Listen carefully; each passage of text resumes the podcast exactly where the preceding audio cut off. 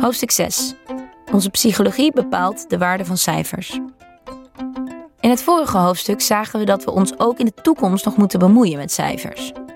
Want ook met alle nieuwe snelle technologie zijn cijfers nog altijd niet objectief.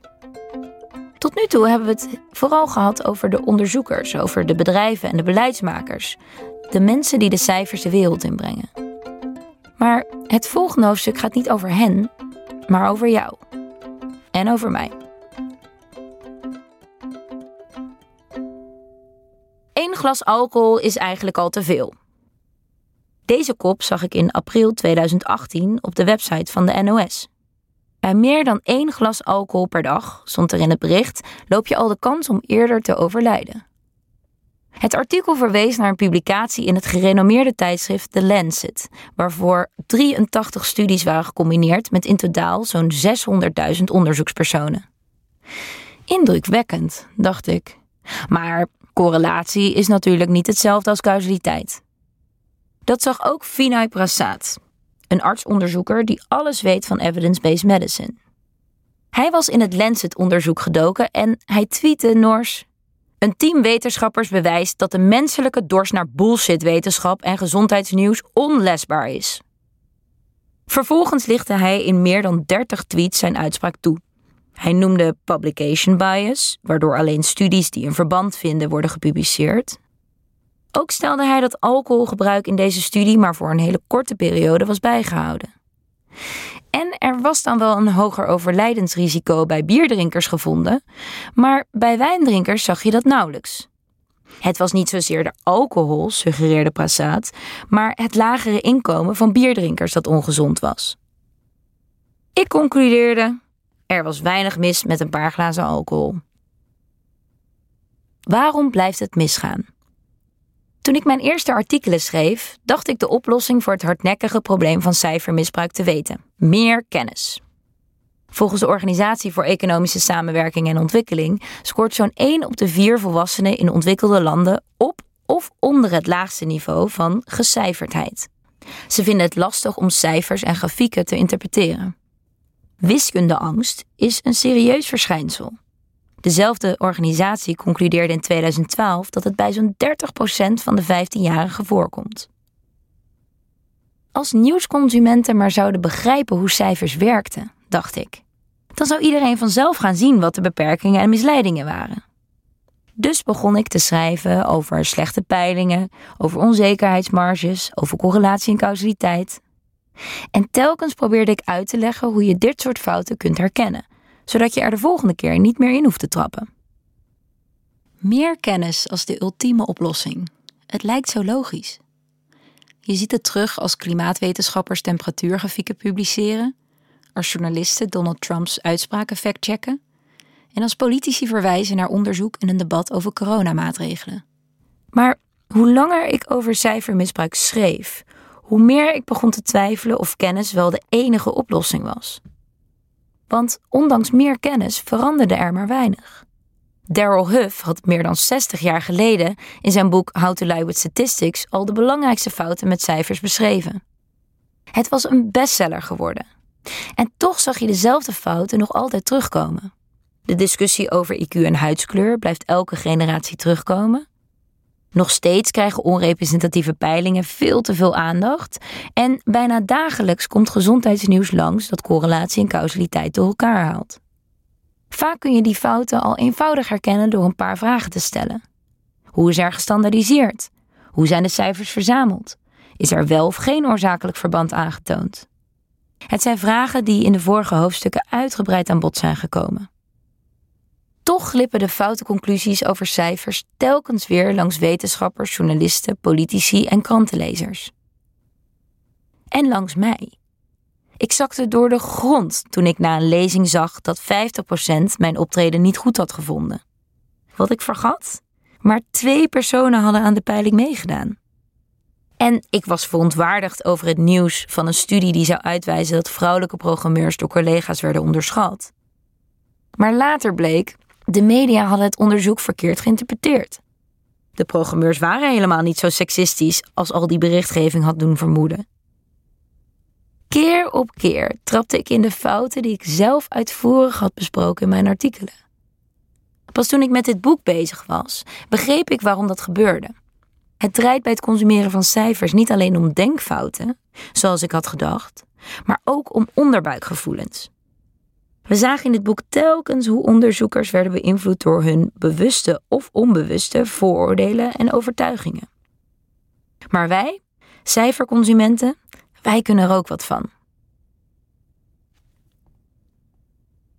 Een interpretatie die niet goed is, maar goed voelt.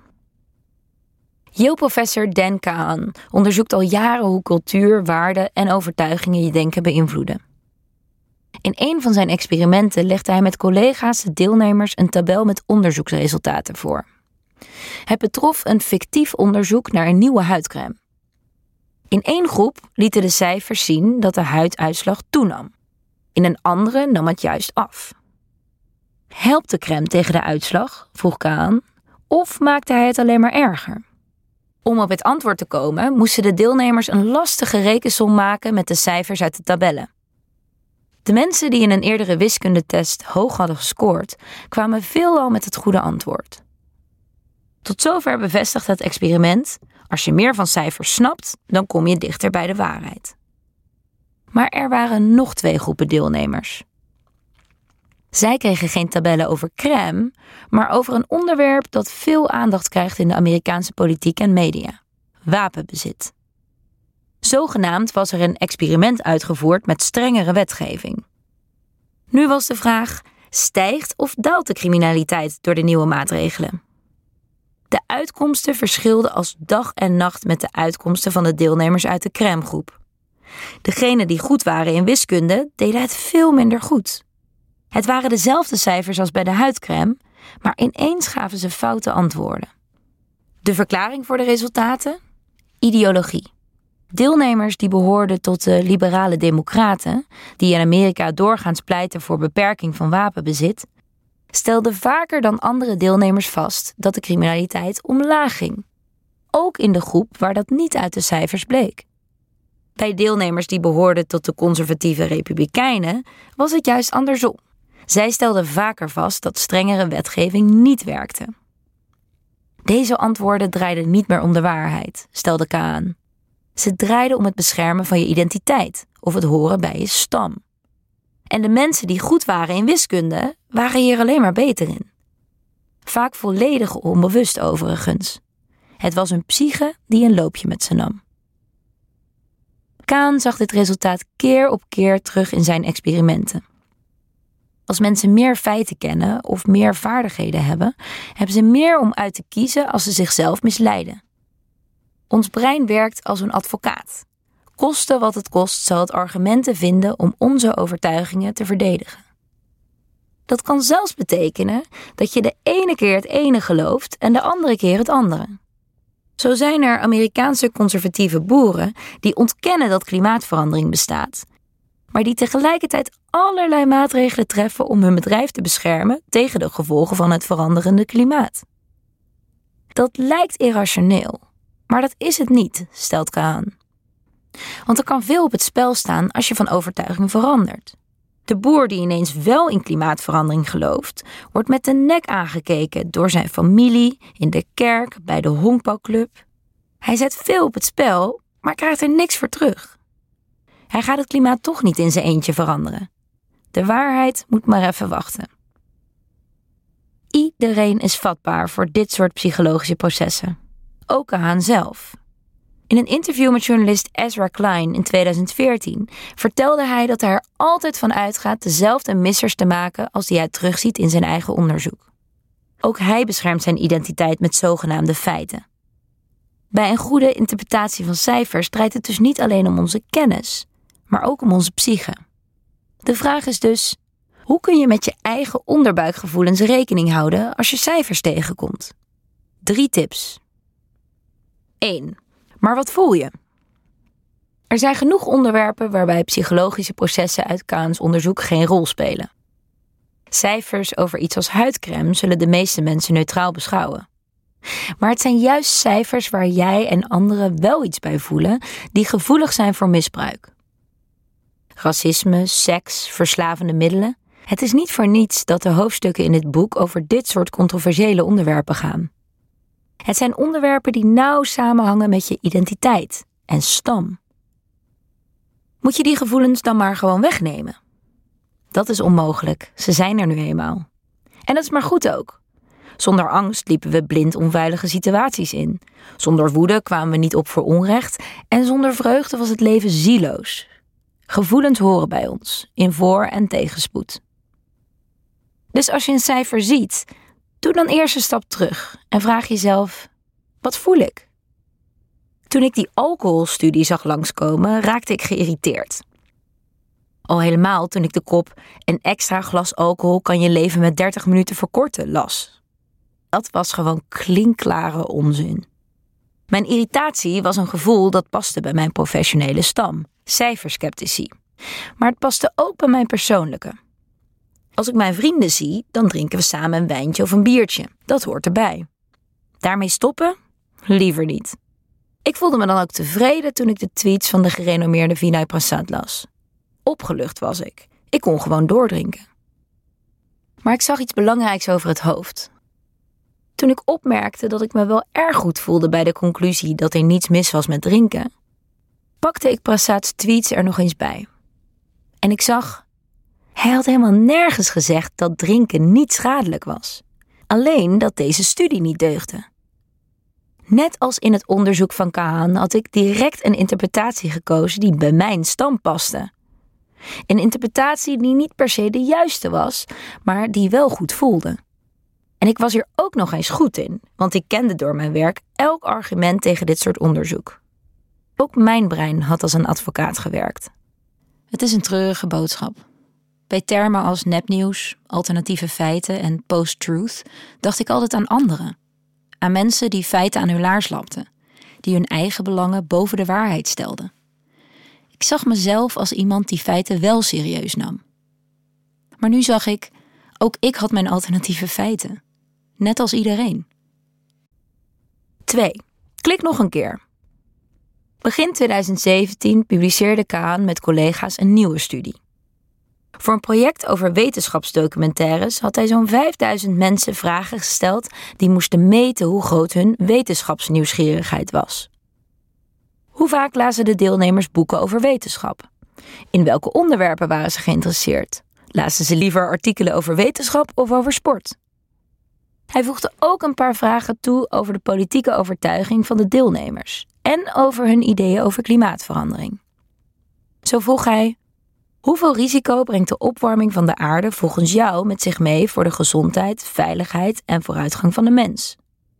Zoals Kaan in zijn eerdere experiment een wiskundetest had gebruikt, zo mat hij nu wetenschapsintelligentie, een vaardigheid die zou moeten helpen met het interpreteren van informatie over klimaatverandering.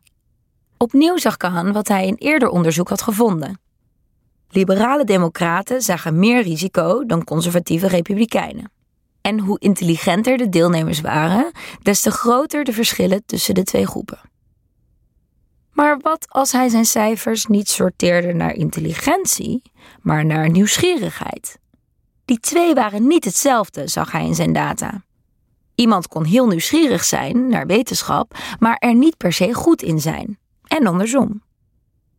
Toen hij keek naar het verband tussen nieuwsgierigheid en het ingeschatte risico van klimaatverandering, zag hij iets interessants. Nog altijd verschilden democraten en republikeinen van mening. Maar hoe nieuwsgieriger zijn proefpersonen waren, des te groter zij het risico inschatten van de opwarming van de aarde, ongeacht hun politieke overtuigingen. Waarom speelde nieuwsgierigheid deze rol? In een vervolgexperiment legde Kaan deelnemers steeds twee echte artikelen voor over klimaatverandering. Eén dat de zorgen over klimaatverandering bevestigde en een ander dat juist sceptisch was. De ene artikelkop was zo verwoord dat het nieuws verrassend leek. Bijvoorbeeld: Wetenschappers rapporteren verrassend bewijs. IJs op de Noordpool smelt zelfs sneller dan verwacht. In de andere leek het artikel niks nieuws te melden. Bijvoorbeeld: Wetenschappers vinden nog meer bewijs dat de opwarming van de aarde het afgelopen decennium is vertraagd. Welk artikel wil je lezen? vroeg Kahan aan de deelnemers. En hier vond hij de kracht van nieuwsgierigheid. Nieuwsgierige types kozen niet het artikel waarvan de kop in lijn was met hun overtuigingen, maar het artikel waarvan de kop verrassend was. Bij deze deelnemers won nieuwsgierigheid het dus van hun identiteit. Het is een leerzaam experiment. Kom je een cijfer tegen, stop dan niet, maar ga op onderzoek uit. Zoek, online of offline, naar mensen die anders tegen het onderwerp aankijken. Lees niet alleen artikelen die bevestigen wat je toch al dacht, maar zoek naar informatie die ingaat tegen je overtuigingen. Informatie die je misschien ongemakkelijk, boos of wanhopig laat voelen. Zoals schrijver Tim Harford zegt: Go another click. Ik nam de proef op de som en ging op zoek naar meer informatie over alcoholonderzoek. Na wat googelen vond ik al snel allerlei onderzoeken die een oorzakelijk verband tussen alcohol en de kans op kanker deden vermoeden. Zoals een experiment met bavianen die een leveraandoening kregen door alcohol en een metastudie die een lineair verband liet zien tussen de kans op borstkanker en de alcoholinname. Wat me duidelijk werd, experts zijn het er al lang over eens dat drinken vooral nadelige effecten heeft. Niet voor niets raadt onze gezondheidsraad al sinds 2015 aan om hooguit één glas alcohol per dag te drinken. 3. Accepteer onzekerheid. Kaans onderzoek naar nieuwsgierigheid staat nog in de kinderschoenen. Zijn experimenten moeten worden herhaald en zelfs als die replicaties dezelfde resultaten laten zien, kunnen zijn conclusies door nieuw onderzoek ontkracht worden. Veel van de cijfers die je in de krant tegenkomt zijn net zo. Ze komen uit goed uitgevoerd onderzoek, maar zijn voorbarig omdat er nog meer onderzoek moet worden gedaan. Moet je zulke onzekere cijfers dan maar negeren? Nee. Ze helpen, zoals Kaans onderzoek, om de wereld wat beter te begrijpen. Maar neem ze wel met een korrel zout. En houd er rekening mee dat er over een paar jaar misschien andere conclusies worden getrokken. Het alcoholonderzoek is veel verder gevorderd dan Kaans onderzoek naar nieuwsgierigheid. Als je op onderzoek uitgaat en googelt naar meta-onderzoek, dan zie je al snel dat veel alcoholstudies op dezelfde conclusie uitkomen. Zo is het causale verband tussen borstkanker en alcoholconsumptie intussen hard gemaakt. De alcoholonderzoekers zeggen hetzelfde als wat de wetenschappers in der tijd na bergen onderzoek zeiden over sigaretten. We weten genoeg. Maar zelfs het onderzoek naar alcohol is nooit definitief. Dat is de aard van de wetenschap. Er zijn studies die suggereren dat gematigd alcoholgebruik een paar aandoeningen juist tegengaat. Ook kun je in alcoholstudies correlatie en causaliteit niet altijd uit elkaar halen. Is onderzoek op dieren niet hetzelfde als op mensen? En hoeveel alcohol je nu precies kunt drinken voordat het slecht voor je is, is onduidelijk. Laat zulke onzekerheid nu net iets zijn waar we psychologisch ook slecht mee om kunnen gaan. Neem het middel hydroxychloroquine, een stokpaardje van Donald Trump, dat zou kunnen helpen tegen corona. Hij tweette op 21 maart 2020: Hydroxychloroquine en azithromycine hebben tegelijk genomen een echte kans om een van de grootste gamechangers in de geschiedenis van de geneeskunde te worden. Om te vervolgen dat het onmiddellijk in gebruik genomen moest worden. Hoe verleidelijk ze ook zijn, zulke stellige claims zijn misleidend. We kenden het virus nog maar net in maart. We wisten niet wat de economische gevolgen zouden zijn. We wisten niet welke factoren bijdroegen aan de verspreiding.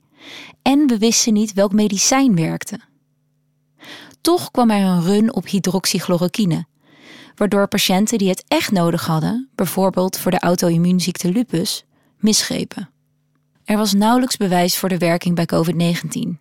En bovendien kan het middel hartritmestoornissen veroorzaken. Twijfel was op zijn plek, maar stelligheid vierde hoogtij.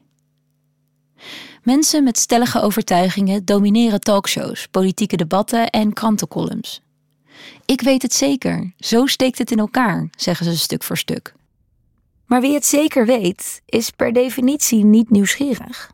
Wie koste wat het kost vasthoudt aan zijn overtuigingen, staat nooit open voor nieuwe informatie. Willen we goed met cijfers en met informatie in het algemeen omgaan, dan zullen we die onzekerheid moeten omarmen. Ik schreef het al eerder.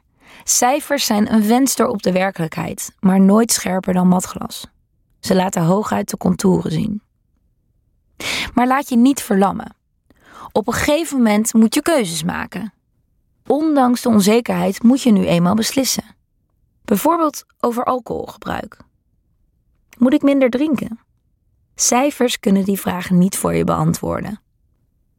Ze lijken een ideaal excuus om te stoppen met denken, maar ze kunnen geen kant-en-klare antwoorden geven.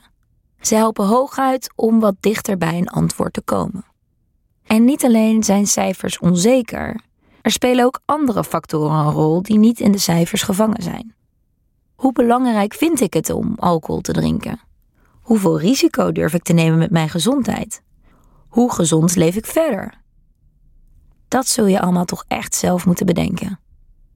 Kortom, wees je bewust van je gevoel, ga op onderzoek uit en accepteer onzekerheid. En maak dan je eigen afweging. Een laatste tip. Wees op je hoede voor belangenverstrengeling. In juni 2018 verscheen opnieuw een bericht over een onderzoek naar de gevolgen van alcohol. Dit bericht ging niet over onderzoeksresultaten, maar over het feit dat het onderzoek vroegtijdig was stopgezet. In het experiment, het eerste in zijn soort, zouden mensen zes jaar lang één glas alcohol per dag moeten drinken of, in de controlegroep, geen enkel. Eerder was al commotie ontstaan over het feit dat de Amerikaanse National Institutes of Health, de uitvoerder van de studie, het grootste deel van de 100 miljoen benodigde dollar had gekregen van de alcoholindustrie. Heineken, Carlsberg en andere fabrikanten hadden meebetaald. En nu bleek ook nog eens uit intern onderzoek dat de wetenschappers de alcoholindustrie hadden beloofd dat de studie, en ik citeer, de benodigde bewijslast kon bieden om alcohol aan te bevelen als onderdeel van een gezond dieet. De studie was zo opgezet dat alleen de voordelen zichtbaar zouden zijn, terwijl de schadelijke gevolgen zouden worden gemist. Zo was de duur van het experiment te kort, omdat veel soorten kanker zich langzaam ontwikkelen. En ook werden bepaalde type patiënten, die bijvoorbeeld kanker in de familie hadden, uitgesloten. Dat was onder het mom van veiligheid, maar verkleinde ook de kans dat er kanker zou worden gevonden bij de alcoholdrinkers. Als je cijfermisbruik wilt herkennen, is het belangrijk om denkfouten te snappen en je eigen onderbuikgevoelens te begrijpen. Maar misschien wel de belangrijkste vraag die je moet stellen is: wie komt er met het cijfer? Heeft diegene belang bij de uitkomst?